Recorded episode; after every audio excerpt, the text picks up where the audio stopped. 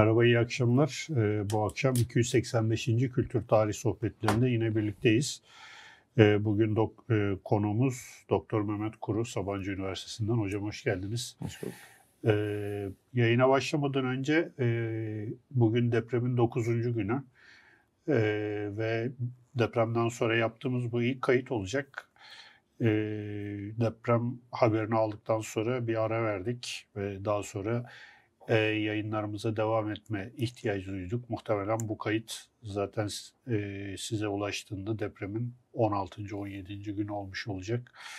E, hayat devam ediyor. Ölenlere rahmet, e, kalanlara sabır e, diliyoruz e, ve e, bu vesileyle de milletimizin başı sağ olsun e, diyoruz. E, bu yayının e, size ulaşmasında bize destek olan babil.com'a başlamadan bir teşekkür etmek istiyorum. Mehmet Hoca'nın e, kitabı da Fol kitaptan çıkmıştı. Şöyle kitabı göstereyim. E, Osmanlı'nın para ile imtihanı bugünkü e, yayın başlığımız bu. E, Mehmet Hoca ile biz daha önce kısa bir süre önce dijital beşeri bilimler başlıklı bir yayın daha yapmıştık. E, bu kendisiyle yaptığımız ikinci yayın olacak. E, ve ben e, ilk sözü soruyu sorması için sözü Ozan'a veriyorum. Sağ olsun abi. Hepimizin başı sağ olsun diyorum tekrardan. Ee, hocam şeyden başlayalım ya aslında bir biraz daha böyle biraz içeride önce söylemiştin. Ee, iktisat tarihçileri, e, numizmatikler sikkenin veyahut da işte e, o dönemki paranın ne olduğunu biliyorlar. Fakat ben ilk başta böyle biraz daha e, 1.01 düzeyinde işte e, para nedir, para sikke nedir bunların açıklamasını yapmak istedim demiştim. Burada e, yani modern dönem öncesi ön, öncesi kağıt paranın olmadığı dönemde bu metal e, bazlı e, ekonomi nasıl işliyor? Osmanlı ölçeğinde de konuşabiliriz. Onu biraz daha genelde de konuşabiliriz. Sonrasında da Osmanlı'nın parayla imtihanına gelebiliriz oradan. Önce teşekkür ederim tekrar beni davet ettiğiniz için. Ee, bu depremden sonra dediğiniz gibi yeni ilk yayın 9. gün. Daha çok taze. İzninizle bir iki cümle söyleyeyim ondan sonra sorunuza cevap vereyim. Ee, yani kendi adıma önce çok üzüldüm. Hepimiz çok üzgünüz ama daha da çok öfke var. Ee, yani her şeyden önce o binalar yani depremden sonraki kaos, organizasyonsuzluk bir tarafa onlar Medyaskop'un diğer programlarında da tartışılıyor. Ama o binalar yıkılmamalıydı. O insanlar o binaların altında kalmamalıydı. O yüzden ee, yani öfkem çok taze. O, e, geçen programımız dediğiniz gibi daha yeniydi ve çok eğlenceli geçmişti. Ee, ama bir, bir taraftan hayat devam ediyor. Ee, o yüzden hani davete icabet etmek gerekti. İnşallah üniversitelerde açılır, sınıflarda öğrencilerimizle de bir araya geliriz. Henüz e, o kararın en azından revize edilmedi ama öyle umut ediyoruz. Ee, bunları tarihçi olarak yani siyaset bilimciler, e, jeologlar deprem meselesini tartışırlar, psikologlar tartışırlar ama tarihçi olarak e, yani Osmanlı'nın parayla imtihanı devlet düzenli olarak 400 yıldır 500 yıldır farklı imtihanlardan geçiyor. Her seferinde çakıyor. Bir kez daha çaktığını görmüş olduk. Benim kitapta biraz bundan 400 yıl önceki e, devlet yönetiminin aslında nasıl düzenli olarak isabetsiz kararlar aldığını anlatan bir kitap. Buradan e, daha fazla da vaktinizi almadan e, meseleye, kitaba geri dönecek olursam. E, kitap para tarihi kitabı. E, para tarihi deyince e, insanlar biraz çekiniyorlar ilk aşamada. Çünkü e, Osmanlı tarihçisi olsanız dahi e, Osmanlı işte kültür tarihi, sosyal tarihi, e, farklı e, disiplinler, farklı alt alanlarda çalışan insanlar için para e, çok da aşina olunan, para meseleleri çok da aşina olunan meseleler değil. Hatta ekonomi tarihçilerinin bir kısmı dahi e, bu konulara girmekten imtina ediyor. E, çünkü farklı bir düzen, farklı bir mekanizma, farklı bir işleyiş var. Yani e, ekonomik sistemin dinamikleri erken modern dönemde de bugün de birbirine yakın. Ama finansal araçlar farklı. Ee, özellikle bahsettiğimiz dönemde 16. yüzyıl ağırlıklı ilerleyen bir kitap. Sonunda 17'ye de sarkan. E, ve orada henüz kağıt paranın olmadığı bir e, dönemden bahsediyoruz. Elimizde sikkeler var. Sikkelerde genelde iki tane e, farklı e, kıymetli metalden yapılıyor. Bunun bir tanesi altın, bir tanesi gümüş. Bunlar e, götürülüyor matbaa e, darphanelere ve orada darp edilerek piyasaya çıkıyor. Ve bunların e, devletin elindeki mekanizmalar bugün anladığımız anlamda finansal araçlar biraz daha sınırlı. Bunlar neler? Birincisi kanunnamelerle darphanelerdeki e, paraların kaç gram ağırlığında olacağını belirliyorlar. İkincisi bir altın sikkenin bu Osmanlı'da sultani oluyor, Venedik'te duka oluyor, e, işte başka yerde eşrefi oluyor. Karşısında kaç gümüş sikke olduğunu e, belirle, belirliyorlar ilan ediyorlar yasayla ve e, bunlar üzerinden e, enstrümanlar geliştirmeye çalışıyorlar. Bazı durumlarda e, içindeki gümüş oranını azaltıyorlar, tahşiş e, yapıyorlar. Bazen bütün hepsini toplayıp tekrar darp edip aynı ağırlıkta tasih diyoruz buna da düzeltme tekrar piyasaya e, yolluyorlar.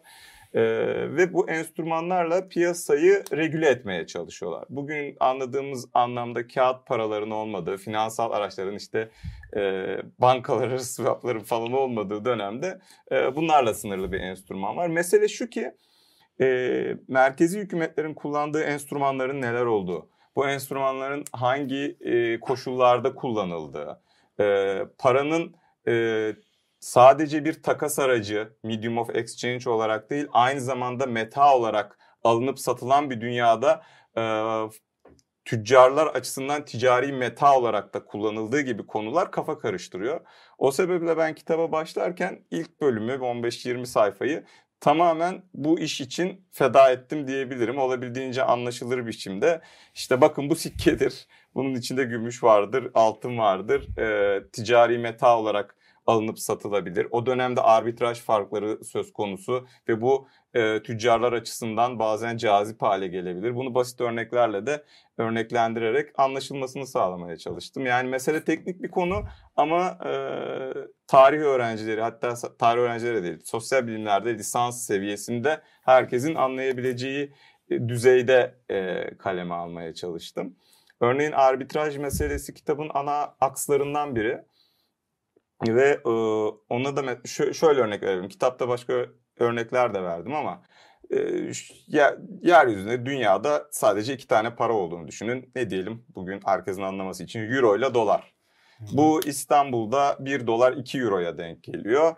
E, Atina'da öbür kıyıda e, 1 dolar 3 euroya denk geliyor.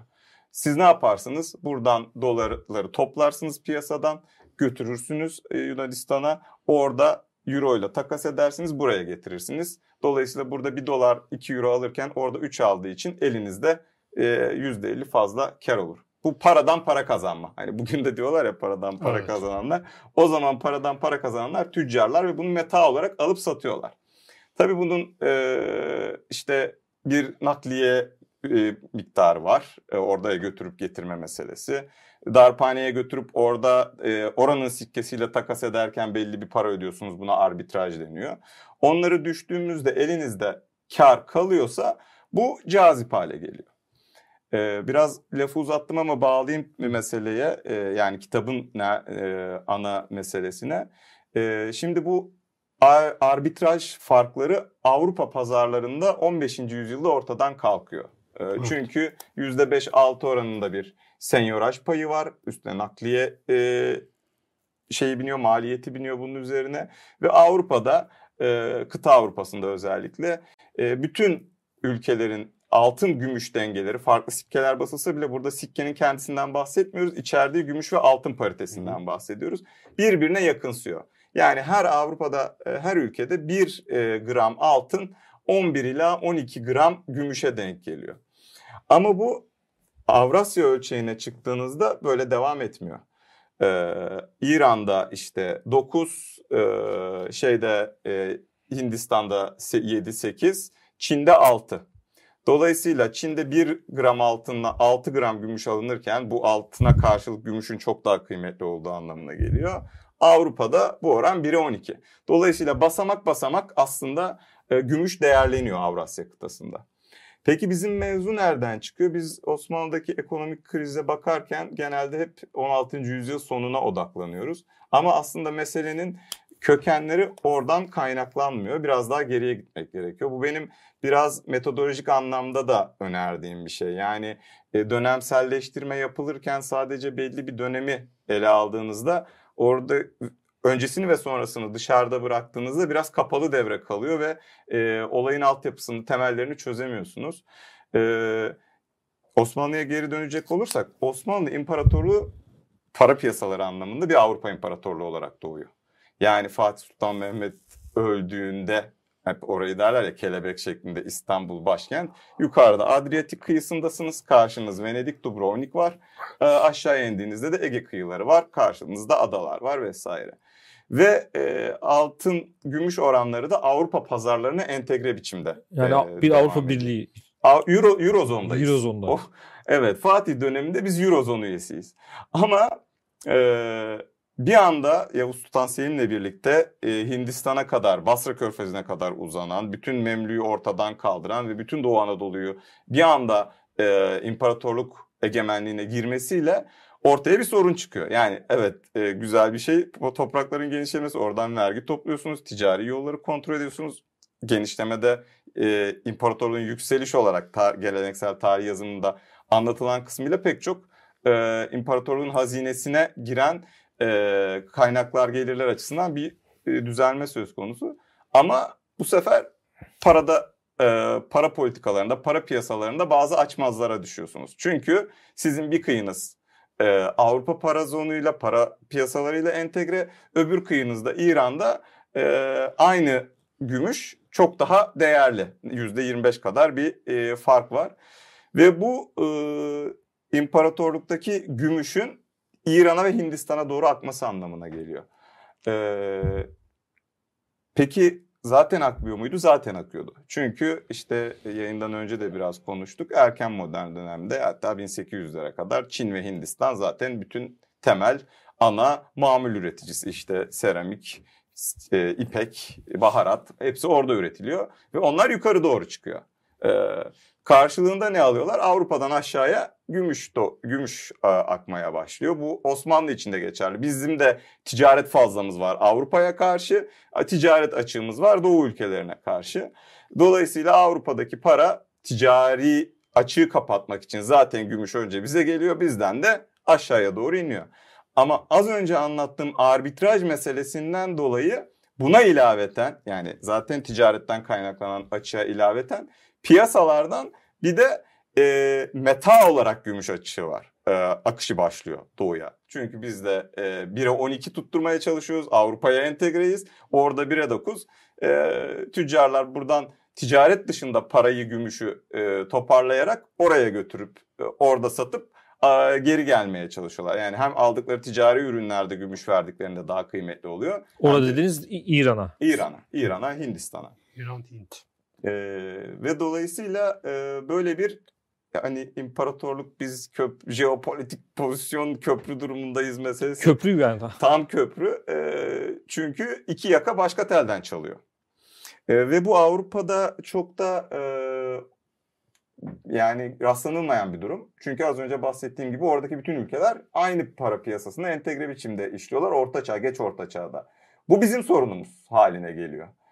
E, tarih yazımına ve önceki çalışmalara referansla e, meseleyi tartışacak olursak da burada da belki e, ustalara saygı kuşağı yapmak lazım. Yani Ömer Lütfü Barkan rahmetli ve yine rahmetli Halil Sahillioğlu'na. Bir de biliyorsunuz Barkan'ın adı ödüllerden kaldırıldı geçen sene Evet, işte A- Amerika'da e, bir derneğin e, ödül Köprülüyle beraber. Köprülü halde Edip adı var. O ikisini kendi talebeleri değerlendirsin. Ben Barkan geleneğinin temsilcisi olarak e, yani bu Dostoyevski'nin meşhur sözü var ya hepimiz Gogol'un paltosundan çıktık. Evet. Palto öyküsüne istinaden.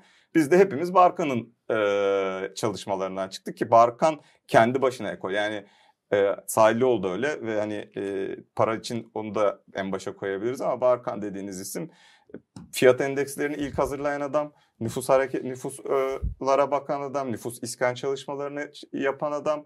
E, yani o ekonominin işte toprak hukuk meselelerine bakan adam, her şeye bakmış bir insan. E, dolayısıyla e, çok rahat bir şekilde onun paltosundan çıktığımızı söyleyebilirim. Halil Sahilioğlu da keza. Yani Sahilioğlu'nun tezi bu arada basılmadı. Yani tezinden... Bas, bildiğim kadarıyla hazırlanıyor. Bir, inşallah, inşallah hazırlanır. E, çünkü e, yani tezinden makaleleri var ve onlar İngilizceye de çevrildi ama ben e, tezinden de çok istifade ettim çalışırken. Tez 58 yılında daktiloya çekilen bir tez ve hani e, okunmuyor bile yani şu aşamada. Ama 60 yaşından fazla bir tez için e, çok genç ve diri hala e, çok kullanılabilen e, bir tez. Onların hakkını teslim edeyim. Onun dışında işte elbette Şevket Hoca başta olmak üzere Baki Tezcan'ın, e, Cemal Kafadar'ın. Cemal Hoca da herkes kültür tarihçisi bilir. Aslında doktora tezi e, ticaret ve ekonomi tarihi üzerinedir. E, onlardan da e, çok istifade ettim. Mevzuya tekrar geri gelecek olursak ben arada böyle balonlar yaparak e, konuya tekrar gayet geri dönüyorum. Ee, Barkan Hoca fiyat endekslerini hazırladığında işte Avrupa'daki fiyat devrimi tartışmalarını yorumluyor. Osmanlı'da bu dönemde enflasyon vardı. Oradaki e, yani Avrupa'daki enflasyonun sebebi Amerikan gümüşünün oraya akması ve e, piyasalara gümüş akışının çok fazla olması diyordu. E, yani Avrupa tarihçileri bunu böyle söylüyordu. Ve bu zaten İspanya tarihini sen benden iyi bilirsin. Önce İspanya geliyor gümüş. Sonra ticaret açığı olduğu için İspanya'nın diğer Avrupa ülkelerine karşı o gümüş e, önce Avrupa'ya akıyor. Sonra Osmanlı'ya akıyor. Biz çünkü e, o gümüş alıyoruz. Dolayısıyla önce Avrupa'yı etkisi altına aldı. Aynı etki bize sirayet etti diyordu Barkan.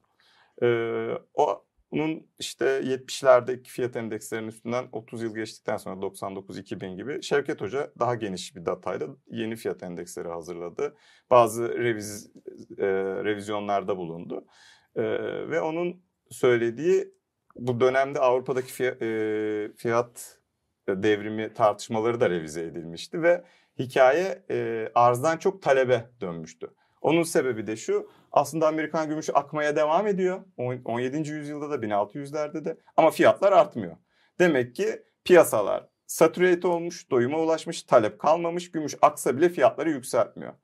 Ee, peki Osmanlı'da niye böyle oldu? Şevket Hoca da aynı çerçeveyi kullanarak diyor ki 16. yüzyılda Osmanlı'da nüfus arttı. En azından yerleşik düzene geçen köylerin sayısı arttı, şehirlerin nüfusu arttı. Bunlar arasında ticari ilişkiler, ağlar arttı, paraya talep arttı. Ve bu ilk gelen gümüş bu talebi karşıladı. Daha sonra sistem Osmanlı'da da doyuma ulaştıktan sonra para piyasaları gelen gümüş artık arttırmamaya başladı diyor.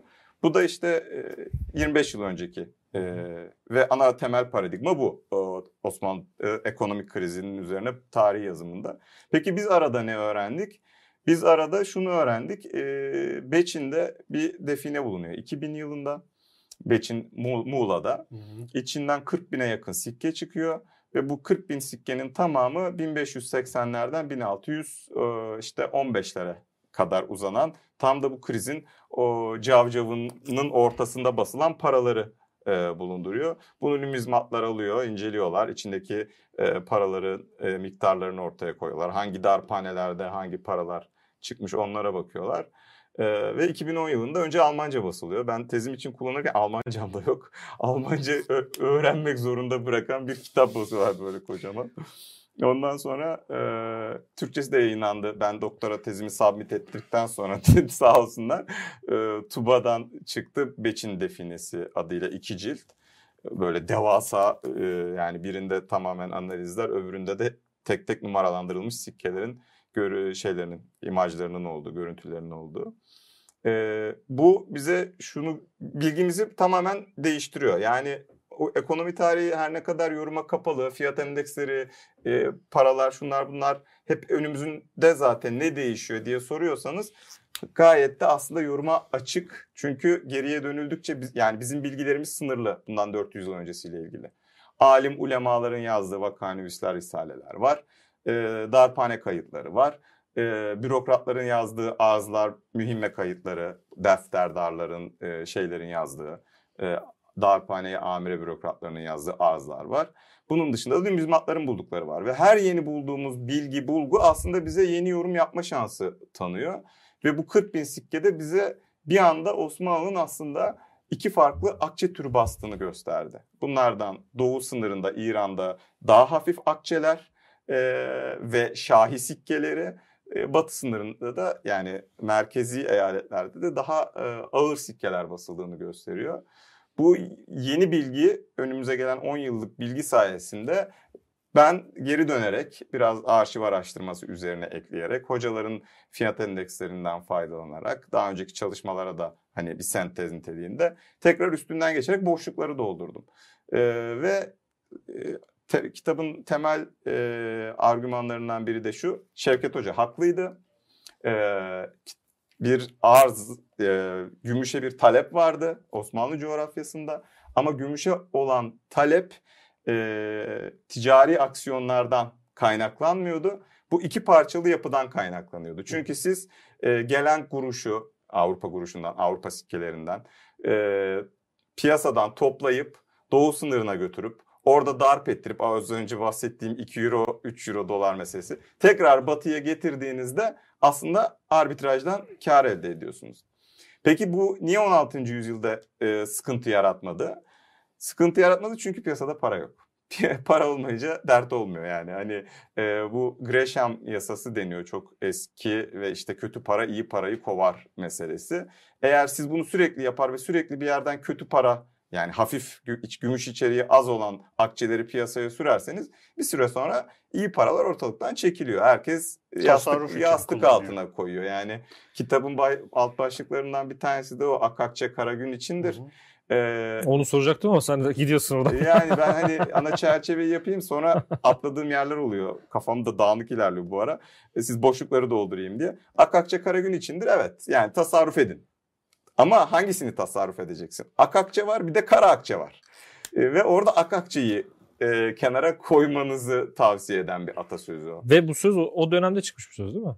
Yani benim o dönemde kayıt, kayıt benim altına. en eski bulduğum kayıt 16. yüzyılda kriz döneminde. Daha öncesinde varsa şimdi o kadar şeyler, Türkologlar etimoloji üzerine çalışanlar düzeltebilir de benim tarih kayıtlarında rastladığım tam da bu dönemde karşımıza çıkıyor. Ak akçeleri, ağır akçeleri piyasadan çekip herkes düşük ayarlı akçe kullanmaya başlıyor. Şunu da söylemek lazım. Mesela gümüş olduğu zaman yani oranı daha fazla gümüş olduğu zaman parlı şey beyaz yani parlak evet. gümüş renginde ne kadar taşiş edilirse içine bakır, e, bakır katılırsa koyulaşıyor, evet, kar, karalaşıyor. o yüzden kararıyor. onu Evet. O yüzden kara şey yapmak zaten. lazım. Aynen. Yok yok. Dinleyenler için böyle bir evet. ek ee, bilgi. E, yine kitapta çok basit örneklerle anlatmaya çalıştım. Şimdi e, devlet vergi topluyor. Kapınıza geldi. E, ve dedi ki 15 akçe verin bana. Sizin elinizde batı akçesiyle olan parlak akçelerden varsa ve bununla öderseniz siz işte 10 10 nokta virgül bilmem kaç ver gümüş Gram, öder. Ama e, cebinizde doğu kara akçesiyle akçe. kara akçe yahut o bölgede basılan şahi ile öderseniz %25 daha az ödemiş oluyorsunuz. 8 gram 7 gram. O zaman ne yaparsınız? Siz cebinizde bulunan bütün e, kara akçeleri verirsiniz vergi mültezimine. Çünkü devlette nominal, nominal olarak ikisi birbirine eş. Yani doğuda basılan bir akçe ile batıda basılan bir akçe arasında fark yok. Sen akçe ödedin mi akçe ödedin. Ee, dolayısıyla diğerlerini cebine korsun. Peki piyasada sınırlı akçe varsa cebindeki akçelerin tamamını ödemek zorundasındır. Herkes benzer şekilde kullandığı için ikisi bir arada piyasada kalabilir. Yani kötü para eğer yeterli gümüş yoksa piyasada, yeterli para yoksa kötü para iyi parayı kovacak kadar güçlü olmuyor. Evet. Ee, ve aslında makul bir çözüm bu. Ee, amaç çünkü İran'a satıp gönderilen parayı sınırda tutmak ve içeride kalmasını sağlamak gümüşü. Ee, ve işliyor da. Ee, darphane kayıtlarına baktığımızda hakikaten e, işte Basra'daki, Bağdat'taki darphanelerin hacimleri artıyor ve belli ki oraya götürülen paralar tekrar basılarak içeri dönüyor. Ee, evet biraz e, şey oluyor kırpık akçeler şunlar bunlar artıyor ama fiyatlar artmıyor. Herhangi bir doğrudan büyük kriz yaratmıyor bu. Ee, ve ilk aşamada makul olarak e, adledebiliriz. Peki ne geliyor? Potosi. Potosi geliyor. Yani memleketin başına gelmeyen kalmıyor. O dönemde Aa, Güney de Amerika'dan geliyor yani. Ya mesela şey düşünebilir Bir para politikası uyguluyorsunuz e, ve o zamana kadar bilinmeyen bir kıtada bir gümüş madeni ortaya çıkıyor. O gümüş madeni geliyor ve sizin para piyasanızı alt üst ediyor. Yani şey gibi bir planlama yapıyorsunuz. Covid çıkıyor da her yer kapanıyor. Aşağı yukarı aynı, Aslında aynı yani bu şu açıdan da önemli ya. 16. yüzyıla biz şimdi hep böyle kapalı bir dünya gibi bakıyoruz ama aslında çok küresel bir şey var yani. Evet ve bu küreselliğin yani. ortasında da gümüş var. Evet. Ee, kitabın sonunda ondan bahsediyorum. Çünkü gümüş akışlarının 50-60 yıla yayılan sürecinin sonunda e, gümüş en son kârda 1640'larda e, her yerde aynı de, e, fiyata alınıp satılmaya başlıyor. Yani Çin'de bir gram altınla e, gümüş fiyatıyla Londra'daki birbirine eşitleniyor bu gümüş hareketlerinden dolayı. Ve bu şey anlamına geliyor. Daha önce sadece Avrupa'da entegre bir pazar var demiştim. Bu bütün Avrasya'ya yayılıyor ve meta olarak düşündüğünüzde gümüş aslında global ilk ürün. Yani hani diyorlar ya bugün Pamuk. dünyanın her yerinde pamuk. Coca-Cola örneği verecektim çok küresel ürün olduğu için. Her yerde üretiliyor ve aşağı yukarı aynı fiyatlara satılıyor. Satın alma gücü bakımından. McDonald's. McDonald's evet. Big Mac, Big, Big Big Mac. Mac.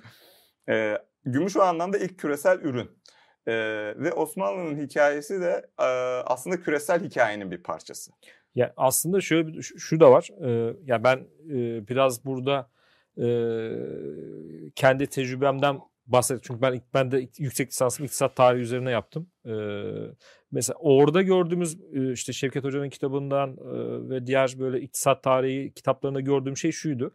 Biz e, işte Flori ondan sonra Duka üzerinden e- hep şey yapıyorduk. Yani Avrupa Avrupa üzerinden Avrupa ile da Venedik, Akdeniz ticareti üzerinden hep Osmanlı iktisat tarihini değerlendiriyorduk. Sen bu şeyi, ölçeği globale çekiyorsun. Avrasya ölçeğine çekiyorsun. O zaman cidden aa yani böyle bakmak gerekiyormuş diyorsunuz. Çünkü bakış, Hik- bakış, bakışı- eksen değişiyor. ekseni değiştiriyoruz. O yüzden çok önemli.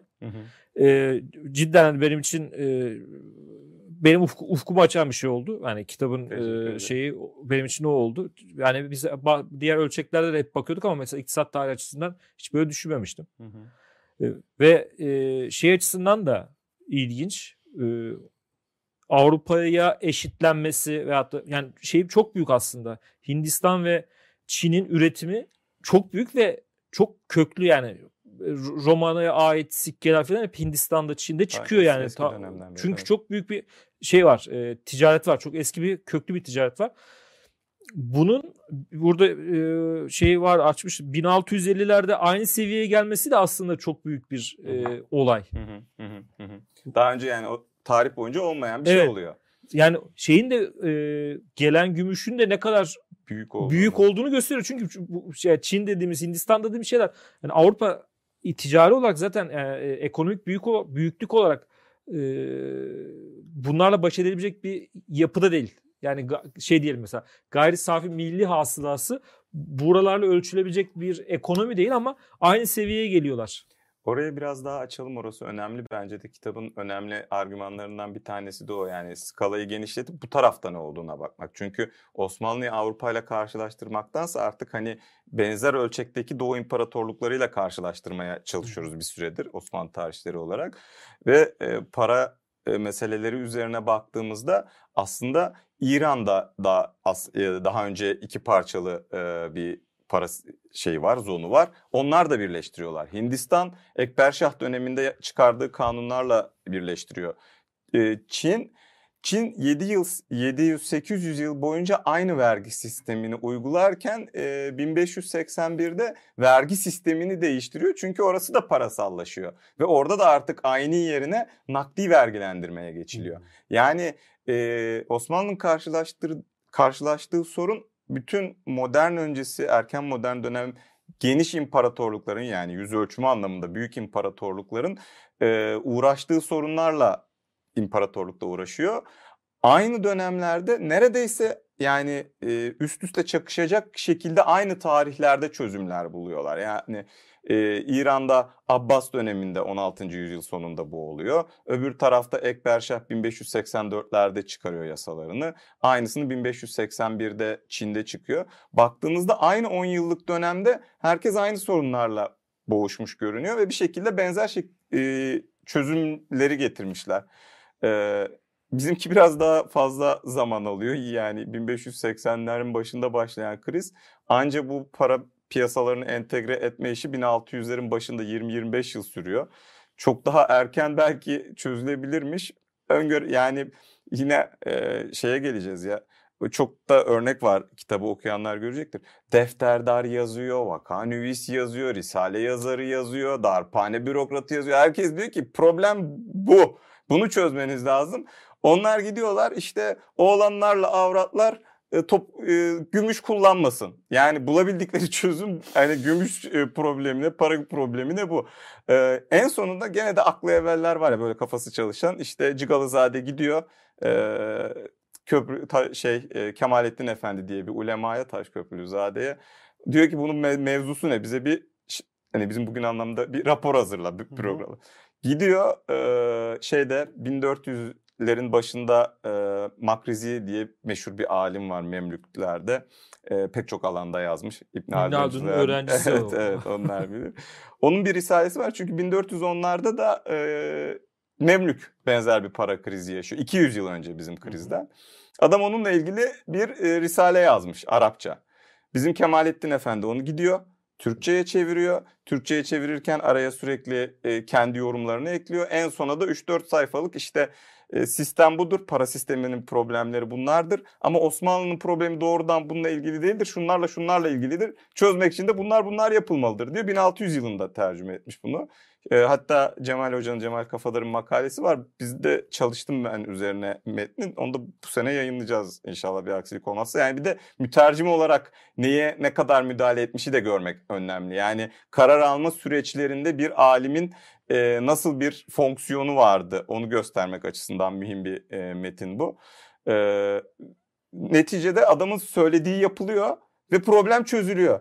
E bir arkadaşım 25 yıl niye beklediniz o zaman diyorsun yani. Hani Bu problem şu şekilde çözülüyor değil mi hocam? Bu ikili para sistemin terk ediliyor. Terk yani ediliyor. Tek bir para sistemine Aynen. geçiliyor. E ben mesela İkili şunu- derken şey abi geçtim önü de altın gümüş mevzusu değil. Yani Yok. ikili bölge. Akçenin, Ha. ak, hafif Akçenin- akçe e, Ha, şey, şey akçe. olması. Şimdi ben e, bir şey- şey yapayım. Bundan iki ay önce kadar e, AKM'de bir sergi açıldı. Bu Kudret ve e, neydi? Kudret ve Hafıza diye bir sergi. E, Darphane Yamire'nin işte arşivleri vesaire. Serginin de kuratörü Hasan Mert Kaya. Buradan ona da selam göndereyim. O bizzat kendisi gezdirdi yani bizi sağ olsun. Şey de vardı. Bizim Önder Kaya da vardı. Beraber gezdik. Mesela orada anlatıyor. Şimdi tabii biz hep modern yani ben biraz tabii iktisat tarihini e, tarihçisi falan değilim. İşte diyor bu Bağdat akçesi diyor. Diyorum ya Ba- Bağdat akçesi nasıl oluyor? Bağdat'taki dar, darphane. Şimdi biz hep ka- kafamızda İstanbul'da bir darphane var. Darphane amire. Darphane yamire. Orada Burada basılıyor her yere gönderiliyor. İşte diyor bu Erzincan darphanesi, bu bilmem işte Bosna darphanesi falan anlattı bize. Ben o zaman fark ettim aslında. Yani farklı darphaneler var. Hı hı. Ee, sizin kitabınızı okurken de mesela Bağdat Darphanesi'nin e, şeyiyle e, hani nasıl söyleyeyim kuruyla diyelim. Hı hı. İşte Bosna Darphanesi'nin kuru birbirinden farklı. Hı hı. Şimdi hani e, aslında piyasa dediğimiz şey hiç değişmiyor. Mekanik Ya para- dinamikler aynı. Evet yani bugün de mesela baktığın zaman yani para nerede ise yani kar neredeyse para oraya kaçıyor. Hı hı. Şimdi sizin kitabınızı okurken hani insanların e, ba- batıdaki akçeleri alıp doğuya götürüp darphaneye bastırıp tekrar batıya getirmesi hikayesi ya korkunç bir organizasyon yani. Tabii. Hani bir yandan Para simsarları çok iyi çalışmışlar yani. yani Evet. e, hani kolay bir iş değil. Bir de o dönem Celali isyanları var. Anadolu e, karma karışık vesaire bir sürü Aslında ekonomik sıkıntı e, da var. benim tezim ve temel yani İngilizce basılacak inşallah kitapta bu Osmanlı'nın 1580-1600 arası hani bu gerileme paradigmasının üzerinde yoğunlaştığı dönemin dinamiklerinin neler olduğuna Hı hı. bakıyordum. Bu para içindeki sadece dört ayaktan biri. Bunun ikinci ayağı var ticaret. Çünkü bu parayı gümüşü getirenler buradan ham madde çekmeye başlıyorlar ve o ticaretin nasıl bir anda imparatorluğunun e, üretim sektörlerini vurduğunu görüyorsunuz. Yani ham madde ellerindeki sikkeyle geldikleri ve bu piyasada onların sikkesi makbul olduğu için çok daha rahat ham madde çekmeye başlıyorlar. Ne zamana kadar? Para krizi e, çözülene kadar. Bir 20-25 yıl orada bir sıçrama var. Diğer ayakları neler? Diğer ayakları da Celali meseleleriyle ilgili e, Osmanlı'nın demografik yapısı, iskan yapısı nasıl değişmiş? Bunda je, işte e, jeomorfolojik özellikler, iklim özellikleri, hangi dönemde kimler nerelerden nerelere kaçmış, Celaliler nereleri niye vurmuş sorusu Hmm. var. Onda da e, Biz seninle daha çok yayın yapacağız herhalde hocam. yani Çünkü bunlar çok e, tartışılması yani gereken konu. Celali isyanı dediğiniz imparatorluğun tamamını etkileyen bir isyan değil. Balkanlarda yok Celali isyanları yani Evet. küçük çeteler olsa bile. E, Bu kit- kitleselleşmiyor. Az önce şeyin kitabında Kerim Barki'nin kitabını kurcalıyordum. Oradan örnek vereyim. Kerim Barki kitabının sonunda şey der. e, bir ek vardır. Niye e, Aydın ve Manisa yöresine ve Batı Anadolu'ya baktım ben Celalilerle ilgili. Onun açıklamasını yazar ve der ki e, Batı Anadolu'da Celali isyanları her zaman görülmüştür. Ama bu hiçbir zaman büyük kitlesel e, ordulara dönüşmemiştir. Daha küçük çeteler, eşkıyalar halinde kalmıştır ve onların takibi daha kolaydır. Zaman zaman İç Anadolu'dan gelen e, Celaliler zarar verse bile onlar geri çekiliyorlar. E, o zaman Celaliler burada niye büyük ordulara dönüşmüyor da İç Anadolu'da ya da Güneydoğu Anadolu'da Celali isyanları Osmanlı ordularıyla çarpışıyor? Bunların hepsi birer soru ve bunların bazı açıklamaları var yani işte konudan sapmayayım bizim para meselesinden. Şey demeye çalışıyorum yani 1580'ler 1600'ler arası 20 yıla sıkışmış bir mesele değil. Biz bunu 1520'lerden 1650'lere aldığımızda ve işin içine küresel etmenleri Evet. dahil ettiğimizde işte akan gümüş, e, iklim e, krizi ve işte Little Ice Age, küçük buzul çağı bunları dahil ettiğimizde Bir de ölçeği de genişlettiğimizde. Yani Evet, şey- hem coğrafi olarak ama yerel dinamikleri göz önünde bulundurarak. Yani e, küçük buzul çağı diyoruz, Celalileri tetikledi diyoruz. Sam White'ın meşhur kitabı o yılı oldu çıkalı. Ama Karaman'a bakıyor. Karaman'da tetiklemiş de e, işte Aydın'da niye tetiklememiş? Bunun cevabını da burada aramanız için biraz daha mikro ölçekte bölgesel bakmanız lazım. E, metodolojik anlamda hem bu kitapta hem tezimde ve işte inşallah kitap olacak e, yayında ben şeye her zaman vurgu yapıyorum. Ölçekleri değiştirerek kullanma. Yani bazen zoom out yapmamız gerekiyor küresel ölçekteki değişikliklere. Bazen imparatorluk ölçeğine inmemiz gerekiyor. Bazen bölgesel işte İran sınırı merkez eyaletler. Bazen de köyler ve ovalar bazında yani iyice mikro yerel ölçeklere inmemiz lazım. Ee, şey anlamında da e, yani iklim verilerine 900 yıllık bakmamız gerekiyor. Bazen 5 yıllık bakmamız gerekiyor. Para hareketlerine 100 yıllık bakmamız gerekiyor ama 1585-89 arasını yıl yıl takip etmemiz gerekiyor. Yani e, hani mikro ölçekli bir çalışma mı yapıyoruz?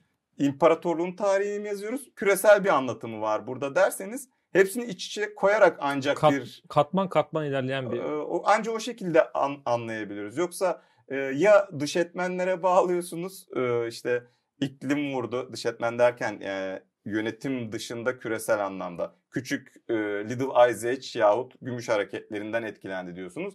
Bu size şöyle bir konfor alanı sağlıyor. İşte 90'lardan sonra hızla büyüyen küresel tarih yazımına Osmanlı'yı şak diye koyuyorsunuz. Bakın orada da isyanlar vardı, burada da var. Orada da e, işte soğuk vardı, burada da var falan böyle tarih yazımına şak şak koyabiliyorsunuz. Ekonomik kriz işte bakıyorsunuz Avrupa'da da vardı, İngiltere'de de fiyatlar fırladı 16'da. Burada da demek ki biz oraya aynı şekilde yerleştirebiliyoruz. Hı hı. Bu sizi makbul tarihçi yapabilir küresel tarih çalışıyorsanız. Ama e, bir anlamda yerel dinamikler de söz konusu. E, para ölçeğinde bahsettiğim iki parçalı yapı sistemi neyse e, işte iklimsel anlamda da jeomorfolojik anlamda da her bölgenin farklı bir yapısı var. Ve e, gelen küresel etken e, Little Ice Age ise bunun adı küçük buzul çağı ise o. Gümüş akışı ise o. Yerelde e, bölgesel olarak farklı şekilde sonuçlar doğurabiliyor. O yüzden hem bu kitapta hem benim genel olarak tarihe bakışım hani biraz yeni çalışan genç arkadaşlar için konuşuyorum bunu. Ben de gencim de. Hani master, master, master- ben de gencim. ben, ma- ben daha yaşa, ben daha ölmedim. Ee, ben master doktoradaki arkadaşlar için hani bu hoca ne anlatıyor, derdi neymiş derseniz e, çok lokal ya da çok küresel yazmanın e, bazı boşluklar yarattığını düşünüyorum Hı hı. ben. Ve mümkün mertebe tabii bunun e, dezavantajı ne her şeye yetişemiyorsunuz. Evet. Yani ben gidip de İran para tarihi çalışamam. Ancak orada ikinci literatüre yaslanıyorum ya da Çin'de ne olduğunu o alanda yazılan tezlere bakarak öğreniyorum. Keza başka çalışmalarda da geniş bir literatürden faydalanıyorum. Bu da benim belki de Osmanlı tarihinde geçireceğim yani arşivinde geçireceğim 4-5 yılın 2-3 yılını başka işlerle uğraşmama sebep oluyor. Hani elbette bir yeri doldururken öbür taraftan vermek zorunda kalıyorsunuz. Ee, ama kastettiğim hem bu e, kitap bağlamında hem genel olarak doktora tezimde ve sonrasındaki çalışmalarımda inşallah yapmak istediğim şey bu. Ee, shifting e, scales, e, ölçeklerin e, farklılaşarak, değiştirerek, değiştirerek kullanmak. Peki Evet. hocam ben e, buradan şeyi soracağım. Yani bu geniş ölçekte e, incelediğiniz zaman gördüğünüz e, Osmanlı e, yönetici elitinin iktisadi ufku, iktisadi ara- karar alma ufku nasıl? Yani biraz önce bir- biraz böyle hafiften bahsettin ama biraz daha böyle geniş ölçekte Ya bu biraz e, yani yapacağım yorum tabii ana, anakronistik olabiliyor. Ama en Olsun. azından yok e, şeyi söylemek mümkün. Yani bu işin içinde olan adamlar her şeyi biliyorlar ve raporluyorlar gibi gözüküyor. Yani hani e, ya mesela Mustafa Ali ki e, çok yazan çok üreten bir adam vakanüvis ve o dönemde bu kriz başladığında Halep'te falan uğraşıyor bu e, defterdarlık meseleleriyle. Adam şey yazmış ya burada krizin sebepleri para krizinin sebepleri bunlar bunlar bunlar. Saraya Kratova akçesi gidiyor. Onun da farkında. Kratova Balkanlarda en, hem büyük gümüş madeni var hem de çok büyük bir darphane var ve merkezi akçe basılıyor. Saraya iç hazinesine giren akçe oradan gidiyor. O yüzden buradaki akçenin yani buradaki krizin farkında değil onlar diyor. Hiçbir vezir de işin peşine düşmüyor anlamıyor da zaten falan diyor. Yani hani e, yerelden söylenen bu. Darphaneye bakıyorsunuz adam diyor ki işte e, darphaneye amire bürokratı var arzname yazmış. Çok da takdir ettim yani adam Gresham yasasının bütün dinamiklerini ortaya koymuş. Diyor ki biz guruş alıyoruz onu darp ediyoruz akçeye çeviriyoruz bu maliyeye şu kadar şu kadar zarar yazıyor. Sizin guruşu 80 akçeden 70 akçeye düşürmeniz lazım yoksa maliye zarar edecek diyor. 3 yılını alıyor karar alması şeyin merkezi yönetimi yani. Ya Anca 3 yıl sonra dank ediyorlar yani hani arznamenin tarihiyle ilk fermanların saraydan çıkıp gönderilmesi arasında 2 yıl 3 yıl ge- geçiyor. Dolayısıyla sarayda böyle olaya çok vakıf insanların olmadığı aşikar. ama, Ama işi bilen adamlar var imparatorlukta. ya o şey ilginç aslında o ben de hani kitapta var o şey açısından bürokratların yani şey bürokratların işin içinde olan bürokratların olayı hani şey diyorlar ya Osmanlı'da parada işte şundan bundan anlamaz. Adamlar gayet net ve açık bir şekilde şey yapıyorlar, tavır alıyorlar. Hatta hani şeyi de buraya getirdim. Ok haftalardan beri arıyordum da bugün bulabildim. Hı hı. Şu kitabı da göstereyim şöyle. Bir dakika şöyle. Mesela bu bir e, 16. yüzyılda Osmanlı'da paranın değer kaybı. Timur Taşi'nin Nükut Risalesi. Mesela böyle bir fıkıhla ilgili bir Çünkü böyle bir metin var. metin yazıyorlar çünkü e, bahsetmek bahset istersen biraz. Ya şey mesela akçe borç verdim ben size arada taşiş oldu. Ben o borcumu geri alacağım sizden paranın değeri yarıya düştü. Siz şimdi eski akçeye göre mi borcu verdiğiniz göre mi yapacaksınız yoksa yeni akçeye göre iki kat mı ödemeniz gerekiyor? Bunu gidiyorlar alime soruyorlar. O da risale yazıyor. Yani hani Yani bir- şey var. ne diyor abi? Ye- Yediye faiz göre. mi değil midir diye. Şey demeye çalışıyorum. Hani işin anakronistik kısmı benim az önce bahsettiğim kısım değildi. Bugün de fayın üstüne ev yapma diyorsun. Raporunu yazıyor jeoloji uzmanı. işte mimarı yazıyor, mühendisler yazıyor. Adam belediye gidiyor oraya koyuyor havaalanını, hastane yıkılıyor. Yani hani e, yönetimle aşağıda o yani e, karar alma mekanizmalarına e, uzmanların dahil edilmemesi meselesi bizim işte anakronistik kısmı bu. Burayı kesebiliriz ya da e, çok dikkate almayabilirsiniz güncele. Yok gay- ga- ga- gayet güncel bir şey. Ben hatta onu soracaktım. Yani şimdi e, karar alma mekanizmasındaki işte Ozan söyledi. Yani e, Osmanlı e, bürokrasisi me- meselenin özünü biliyor. Şey yapıyor bunu raporluyor ama e, saray zevatı Evet. inatla bunu şey yapmıyor ve e, mesela şey çok ilginç geldi bana hocam. Hepsi de Bu değil. 1500 Pa- şey lafınızı bölüyorum yani gene de kapıdan Cigazizade kapıdan Derya o dönemde. O gidip soruyor halime ne yapalım diye. Yani Evet. e, topyekün silmeyelim ama genel olarak bir e, şey problemi var. Meselenin yani mesele konuşuluyor. Sarayda bir sürü meşveret meclisleri kuruluyor. Bunların hepsinin şeyleri var. Yani vakanüsler kayıt düşmüşler. Şu konuşuldu, para krizi böyle oldu bilmem ne. Toplanıyorlar toplanıyorlar. Çıkıyorlar hiçbir şey yok yani ortada. İşte diyorlar ki e, bi- bilmem gürzleri gümüşten yapmayın. Yani imparatorluk yönetiyorsun ve askerin elindeki gürzün içindeki gümüş miktarıyla bunu çözüleceğini zannediyorsun. dolar satıp dolar satıp e, şey dolar Kuru tutmak kuru gibi. tutmak gibi yani şey dolar satıp derken şey anlamında dolar satmak. Vatandaşa dolar sattırıp e, kuru düşürmek gibi böyle şey geçici işte palyatif. Hocam Tarihçi şimdi olarak burada bunlar, bu örneklerden imtina ederim. Çünkü en sakat iş budur. Bizim çok popüler Evet. tarihçilerin yaptığı iş. Evet. Bugün aynısı 500 yıl önce de vardı. Öyle bir şey yok elbette ama e, insan bazen çarpılıyor hakikaten yani benzerlikleri Evet. görünce. mesela burada kitabınızda e, 1585 tahşinin nasıl niye- neden başarısız olduğuna dair bir şey var. Yani bir tahşiş yapılıyor ama halk bir şekilde buna direniyor. Bu biraz bunu anlatır mısınız? Nasıl oluyor bu iş yani? Şimdi, yani bir de tabii tepki de var bir Tabii. yandan. e, yani tahşiş meselesi e, az önce biraz bahsettik. E, İmparatorluk erken modern dönem, yani modern öncesi devletlerin kapasitesi düşük. Devlet kapasitesi ne demektir? Aldığınız kararları topluma nüfuz ettirme ve alınan kararların işleyiş mekanizmalarını dikte etme meselesi. Bunun için ne gerekiyor? Ciddi bir bürokratik e, yapı lazım ki o bürokratlarla bütün işleyişi kontrol edin. Modern öncesi dönemlerde devletin bürokrasisi görece sınırlı. Dolayısıyla bugün olduğu gibi e, işte bir ekonomi kararı alıp da darphaneye emir verip de oradan artık işte para bas diyemiyorsun karşılıksız. Tahşiş kararı alıyorsun. Davullarla ortalara gönderiyorsun adamları. Diyorlar ki işte artık akçenin karşılığı şudur, gümüşün budur. Herkes elindeki akçeyi darphanelere götürsün, değiştirsin. Darphanelerde senin getirdiğin 10 akçeye karşı işte 18-19 akçe veriyorlar. Daha küçük tahşiş edilmiş akçeyi ve bu şekilde e, işliyor sistem. Ama mevzu şu ki senin o adamları elindeki akçeyi kendi rızalarıyla e, darphaneye getirmeye ikna etmen lazım. Çünkü kapı kapı dolaşıp herkesin elindeki parayı toplayamıyorsun. Evet. Ee, bunun tabii ar- aracıları az önce bahsettiğimiz para simsarları falan da işin içine giriyor. E, yahut işte sarraflar vesaire. Ama mevzu şu ki eğer tahşiş edilen sikke piyasada kabul görmezse yani sen elindeki 10 tane parlak sikkeyi götürdün e, darphaneye 20 tane aldın geldin ondan sonra o 20 taneyle alışveriş yapmaya başladın. Elindeki kararmış mahşuş akçe var. Adam bakıyor bu diyor kalp akçe diyor, sahte diyor, hurda diyor. Ben bunu kabul etmem bana parlak akçe getir ya da kuruş getir Avrupa parası. Dolar getir diyor ya. Dolarla alışveriş yapalım.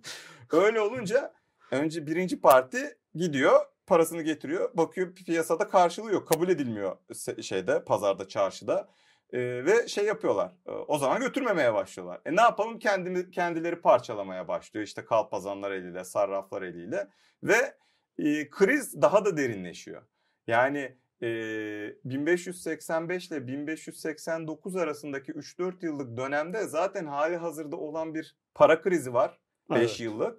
Üzerine bir de başarısız bir tahşiş girişimiyle hem e, enflasyonu ikiye katlıyorsunuz siz hem de para politikasını uygulayamıyorsunuz. Paraya olan güvensizlik de E, Herkes o zaman e, altınla yahut e, işte dolar dediğimiz e, İspanyol kuruşlarıyla falan alışveriş yapmaya başlıyor. hiç, hiç de yabancı E, gelmedi. Neyse. elindeki akçeleri de parçalayarak kullanmaya başlıyor yani. E, ve hatta yine orada Mustafa Ali'yi çok andık. Allah rahmet eylesin. Çok e, makbul faydasını gördüm. 400 yıl önce yaşamış adam. Şey diyor. E, işte anlatıyor böyle böyle maaşuş akçe geçmedi. Bunun için sadrazamın gidip rıza üretmesi gerek şey. Padişahın gidip çarşıda pazarda rıza üretmesi gerekiyordu. Bu insanları ikna etmesi gerekiyordu gibi bir pasajı var yani. Çünkü sen e, çarşıyı pazarı e, ikna edemezsen paraya güvenmezse insanlar kabul etmiyorlar. E, ve saraya şikayetler geliyor işte. Çünkü merkezdekilere hala altın veriyorlar. Çok gürültü çıkmasın diye. Taşra'daki askerlere maaşları e, yeni üretilen şeyle ulufeyle ödenme, ulufeleri yeni akçeyle ödenmeye başladığında bunlar ödeyemiyorlar. E, pazarda kullanamıyorlar bu paraları ve e, şikayet geliyor. İşte burada e, Tırhala'daydı galiba olay. Kabul etmiyorlar bu paraları bilmem neler. İşte e, sahih akçe görünümlü kalp akçedir falan diye kimse almamış. Buradan da emir gidiyor. Onlar vallahi billahi bakır kalay değil gerçek akçe biz burada üretiyoruz onları falan diye. Ya seni kim kazır Tırhala da buradan yolladığın fermanla adam oradaki mahşuş akçeyi mi kabul edecek? 3-4 yıl böyle gidiyor. Ondan sonra bir daha tasih için bir daha hepsini topluyorlar. Ee, tabii e, işte şey yapıyorlar tekrar e, bu daha önce içine kalayla bakır koymuşlardı. Şimdi onları çıkarıyorlar tekrar parlak akçe olsun da piyasa kabul etsin diye. Ama %44 oranında tahşiş uygulayınca yarıya düşüyor görüntüsü akçenin. Hmm. Gramajı. Küçü- evet. yani. Ekmek gibi yani küçülüyor bizim ekmeklerde. Akçe de böyle küçülüyor ve bunlarla e, ödeme yapıyorlar as şeye e, askere kapı kullarına. sefer kapı kulları diyor ki böyle atçı mı olur? Böyle atçıyla ulufe mi ödenmiştir? O işte o, Ali Osman'da bugüne kadar 300 yıldır falan deyip e, sad, veziri götürüyorlar. Doğacı Mehmet Paşa o şeyden sorumlu. Önce sadrazamın kapısına gidiyorlar. Sadrazam diyor ki o işe ben bakmıyorum o vezir bakıyor. Onu gidiyorlar öldürüyorlar. E, ve bu şu anlamda çok önemli. Kritik bir dönüm noktası Osmanlı tarihi açısından. İlk kez payitahtta kanlı bir isyan bu vesileyle 1589'da çıkıyor. İlk kez isyancı e, askerler, kapı kulları e, kelle alıyorlar tabiri caizse. Ve sonrasında bu artık hani yüzlerce yıl sürecek düzinelerce isyanın ilk halkası. Zaten e, şeyle Osman'ın öldürülmesiyle arasında da 30 yıl var. Çok da uzun bir süre sayılmaz yani. Padişaha kadar Padişaha kadar gidiyor. Ee, o yüzden bir kırılma noktası ve kırılma noktasının altında da ekonomik kriz ve işte o dönemki para politikaları vesaire yatıyor. Ee, 300 yıl önce böyle e, ve 1589'da bu oluyor. 1600'de kriz devam edince tekrar kapısına dayanıyorlar. O zaman da gümrük emininin falan alıyorlar. Ee, kadın Yahudi bir kadın onu öldürüyorlar. Oğlunu öldürüyorlar. Ve e, kapıya Esther. dayanıyorlar kirayı. Ve e, diyorlar ki hepinizi alırız. Ee, hani şu parayı düzeltin. Ee, işte Gazanfer Ağa var o zaman biliyorsunuzdur. Çok meşhur adı. Gazanfer Ağa'nın kellesini almaktan falan son anda tamam tamam hemen yapıyoruz deyip yatıştırıp e, hemen başlıyorlar. Zaten Nisan'da bu ikinci isyan 1600'deki isyan Nisan'da oluyor. Eylül'de para reformu hallolmuş oluyor. Yani işte can e, şeye dayanınca e, can korkusu girince işin zor, içine zorla. Evet, zorla karar alıp 1600'lerde e, bunu yapıyorlar. Şey son olarak şunu bağlayayım e, tüm bu mevzuyla ilişkili. Yani e, 1585'te hata yapıyorlar. 89'da kuruşla pariteyi hesaplayamıyorlar. Hata yapıyorlar. 1600'e kadar gidiyor. Sürekli bir hata politikaları devam ediyor, ediyor ama sonunda bir şekilde mevzuya ayıp e, biraz da can korkusuyla belki e, meseleyi çözüyorlar. Son kertede bu sorun bütün imparatorlukların sorunu. Osmanlı'nın aldığı aksiyon diğerlerinin aldığı aksiyonlarla çok benziyor. Dolayısıyla ortada bir e, şey yok. Yani hani her şey çok iyi gidiyordu da böyle bir anda sistem çökmüş gibi bir sorun yok. E, durum yok. Gelen soruna çare arama ve daha önce karşılaşılmamış bir e, mevzu bu. Kitabın son kısmıyla da e, bağlayayım sonra başka sorunuz varsa alayım. Mesela e, piyasaların parasallaşması şu demek. İşte meşhur ilkokuldan beri öğretilen tımar sistemi var ya aynı taşrada adam tarım ürünü üretiyorsun. Bunun bir kısmını e, sipahiye veriyorsun. Adam pazarda satıyor. Senden e, o şekilde hayatını idame ettiriyor. Tımar sistemi bütün imparatorluğa yayılmış. Sen parasallaşınca artık o aynı toplanan vergiler yavaş yavaş nakdi toplanmaya başlıyor. Ve sen askerlerine e, na, aynı değil nakdi vergi ödemeye, e, maaş ödemeye Maşallah. başlıyorsun.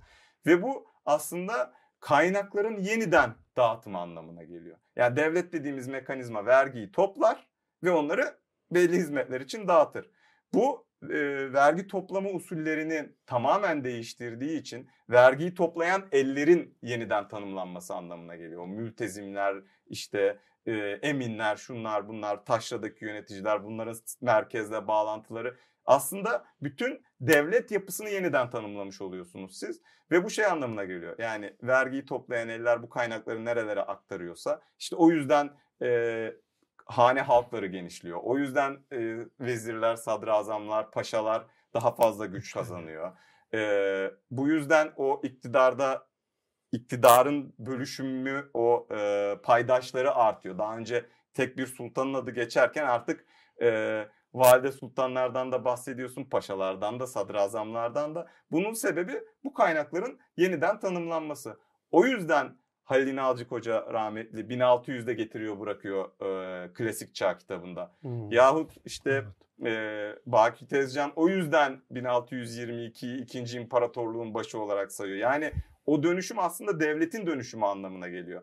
İşte Mustafa Ali'yi okuduğunuzda e, diyor ya ben alimim kenarda kıyıda kaldım bana verilmiyor. Çünkü bürokratik sistem gelişiyor ve artık e, kalemiye erbabı yani alimden ziyade bürokrat ihtiyacı e, doğuyor. Ve vergilendirme sistemleri, vergi defterlerinin yazım sistemleri her şey değişiyor. O ihtiyaca göre bürokratik sistem yeniden tanımlanıyor.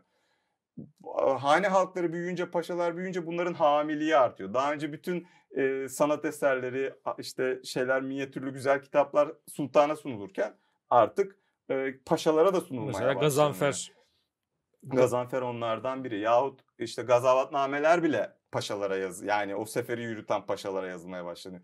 Yani e, özetle bu bir altyapının dönüşümü kitabı. Yani meselenin ekonomik altyapısının nasıl dönüştüğünü anlatıyorum ben. Üst yapıyı zaten biz önceden tartışmıştık.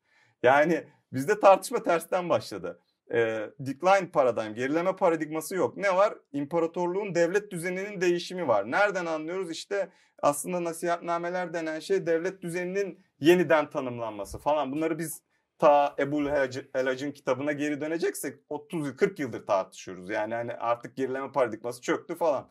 Ama altyapısı nasıl dönüştüğü kısmı eksikti. Ben biraz da oraya bir Biz hep bugüne kadar aslında sonuçların sonuçlar üzerinden devletin nasıl dönüştüğünü konuşuyorduk ama bunun altında yatan muharrik nedir?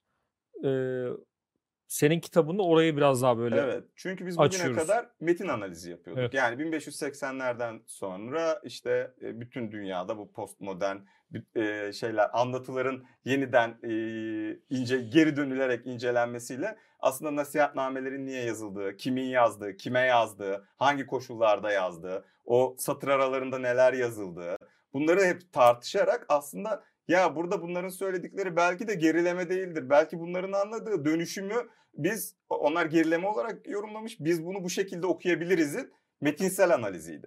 Bu kitap e, hikayeni hikayeyi başa sararak ekonomik altyapısındaki dönüşümün e, mekanizmalarını, dinamiklerini çözmeye çalışıyor. Evet. Valla o yüzden ben şimdi e, tekrardan 16 17 16. ve 17. yüzyıla döndüm. Karen Barke'ye başladım. Eşkıyalar ve Devlet. Sırada birkaç kitap daha var.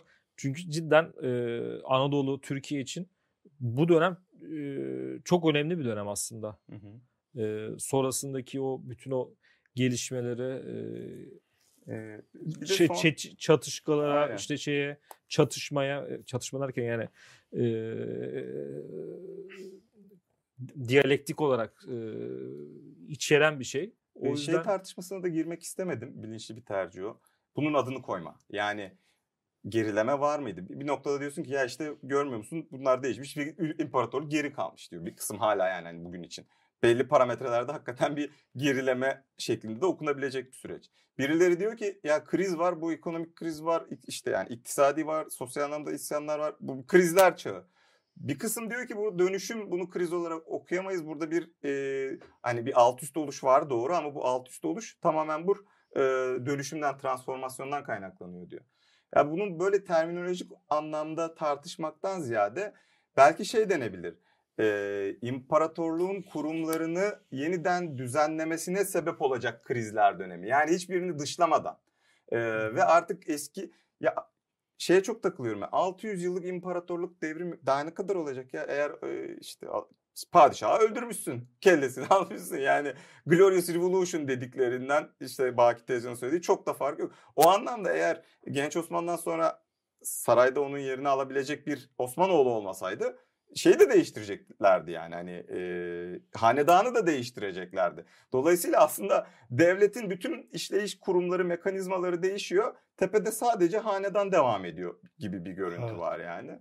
E, o yüzden ben hem e, Halil Hoca'nın İnalcı'nın klasik çağ ve sonrası ayrımını, e, kimileri ikinci imparatorluk adına alerji besleseler de onu çok Avrupa terminolojisinden transfer edildiğini düşünseler de bence e, gayet de makul bir tanımlama bu. Eski imparatorluğun sona erdiği ve artık yeni bir imparatorluk dönemine geçildiği meselesi bence e, çok makul bir yaklaşım.